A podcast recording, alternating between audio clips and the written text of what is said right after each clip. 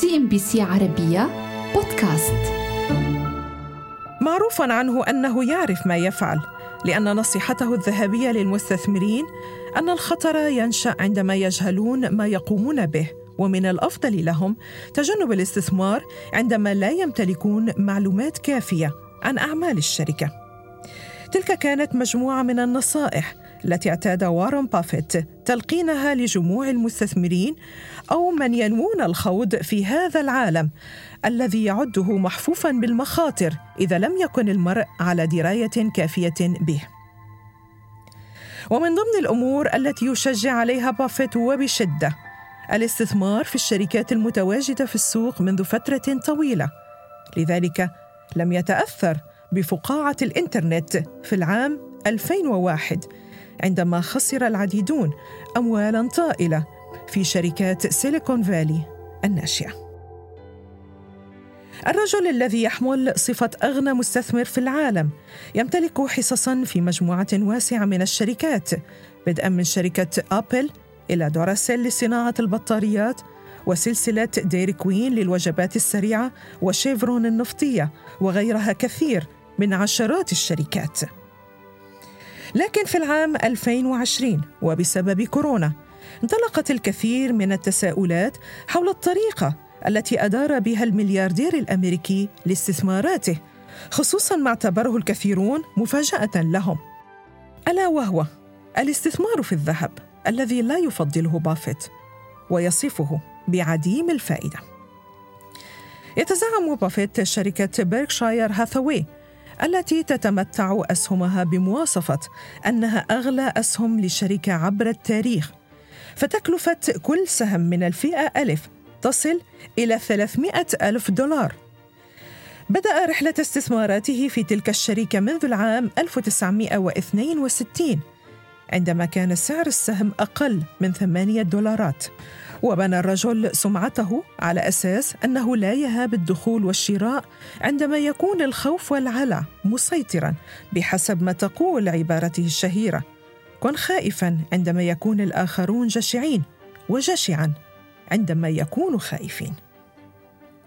لكن بدا للبعض أن بافيت تصرف بخوف مثلما فعل معظم الآخرون الذين كان يخالفهم الرأي.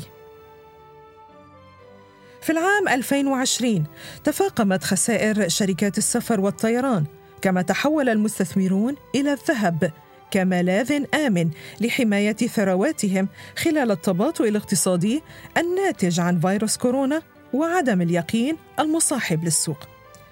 وصل المعدن الأصفر إلى أعلى مستوياته على الإطلاق وبالتزامن مع فقدان البنوك لثلث قيمتها السوقية. لأنه وبحسب ما هو متعارف عليه اقتصادياً. يرتبط انخفاض أسهم البنوك وارتفاع الذهب ارتباطاً وثيقاً بانخفاض أسعار الفائدة وهذه كلها تعطي دلائل أن الاقتصاد يعاني. وهذا يناقض نوعا ما مقولة بافيت المشهورة بعدم المراهنة أبدا ضد أمريكا. فهل عكس ذلك تشاؤم بافيت بشأن احتمالات التعافي؟ أثيرت تساؤلات كثيرة حول عدم اغتنام بيركشاير لانكماش السوق المؤقت الذي بدأ في أواخر مارس من العام 2020 لاقتناص المزيد من الأسهم بأسعار منخفضة.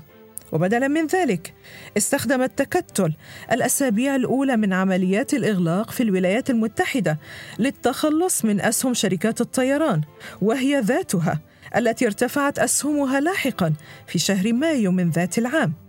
كما أنه من بين الصفقات الكبيرة التي أنجزتها الشركة في بعض مراحل العام 2020 بيع أسهم في بنك جي بي مورغان تشيز وبنك ويلز فارغو وجولدمان ساكس والشراء في شركة باريك جولد وهذا يشبه إلى حد كبير ما فعله بقية المستثمرين.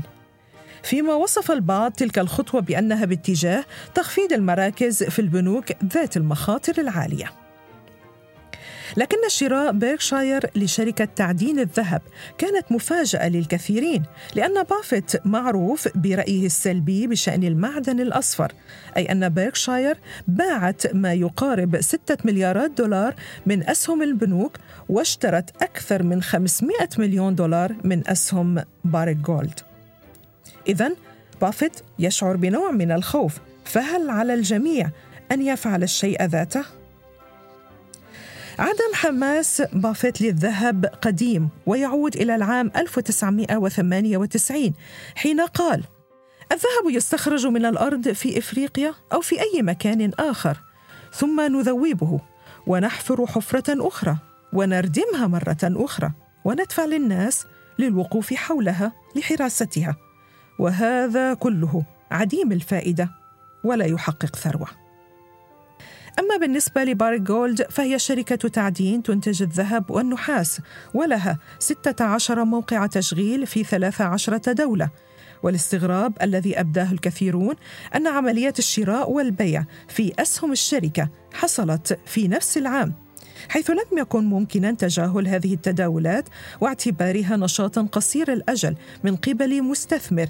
يؤمن بأن الاحتفاظ بالأسهم يجب أن يكون لفترات طويلة واحيانا للأبد. كما وتزامن الشراء مع وصول الذهب إلى مستويات قياسية جديدة فوق الألفي دولار لكل أونصة مما عده البعض بالتغير الجذري في استراتيجية بافيت الاستثمارية.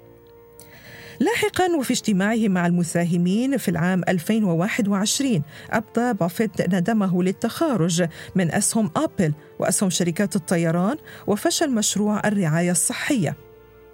وبيع كامل أسهم باريك جولد لم يكن الوحيد.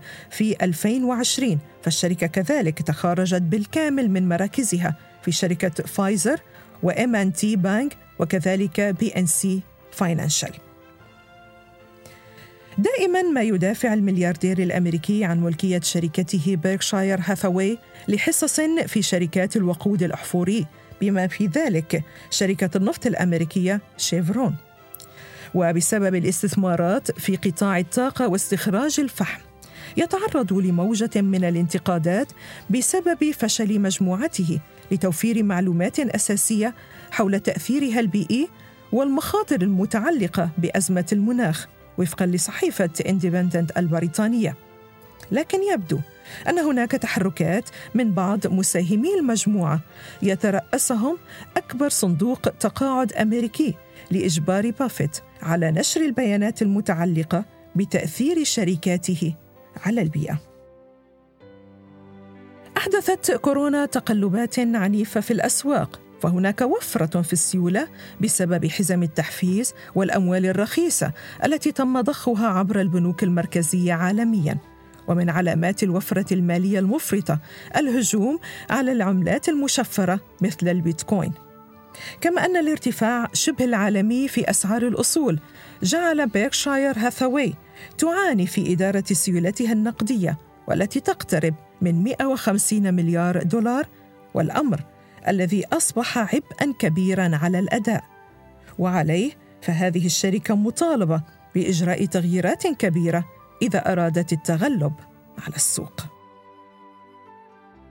إن اهتمام الأسواق لما يقوله بافيت يعود لتواجده في الكثير من الشركات العالمية وفي قطاعات عديدة فهو بالتالي لديه معلومات عما يجري في بيانات الإنتاج والاستهلاك والتغيرات التي تحصل على أسعار المواد الأولية. لذلك عندما يكرر بأن هناك موجة من ارتفاع الأسعار أي بمعنى آخر ارتفاع في مستويات التضخم فهذا يعني أن المعنيين بالشأن الاقتصادي سوف يضعون حسابات جديدة في قراراتهم الاستثمارية. فعلى سبيل المثال يمتلك تكتل بيركشاير تسع شركات في قطاع بناء المساكن في أمريكا. وهو يعلم أن التكاليف بدأت ترتفع وهذا مرده لارتفاع مواد مثل الصلب والحديد والأخشاب. حتى أسعار الدهانات بدأت تشهد ارتفاعات متواصلة. رغم تصريحه أنه متفائل بوضع الاقتصاد الأمريكي أبدى المستثمر الأشهر في بورصة نيويورك موقفا حذرا باتجاه إنفاق الأموال في العام 2021 انعكس ذلك في تقليص حجم المبالغ لإعادة شراء أسهم شركته. لكنه كذلك لمح إلى المخاوف التي يجلبها ما أسماهم حشود المستثمرين الهواة في وول ستريت إضافة إلى ارتفاع مؤشرات التضخم في مفاصل الاقتصاد الأمريكي. بسبب موجة الارتفاعات في الأسعار تحوم المخاوف من ارتفاع التضخم. وبحسب البيانات الصادرة عن قسم التحليل الاستراتيجي في دويتشه بانك والتي أشارت الا أن الأمريكيين يضعون في محركات البحث على الإنترنت كلمة التضخم بشكل متكرر. وهذا تخطى أعلى مستويات البحث عن تلك الكلمة منذ أكثر من عقد من الزمن. سي إم بي سي عربية بودكاست.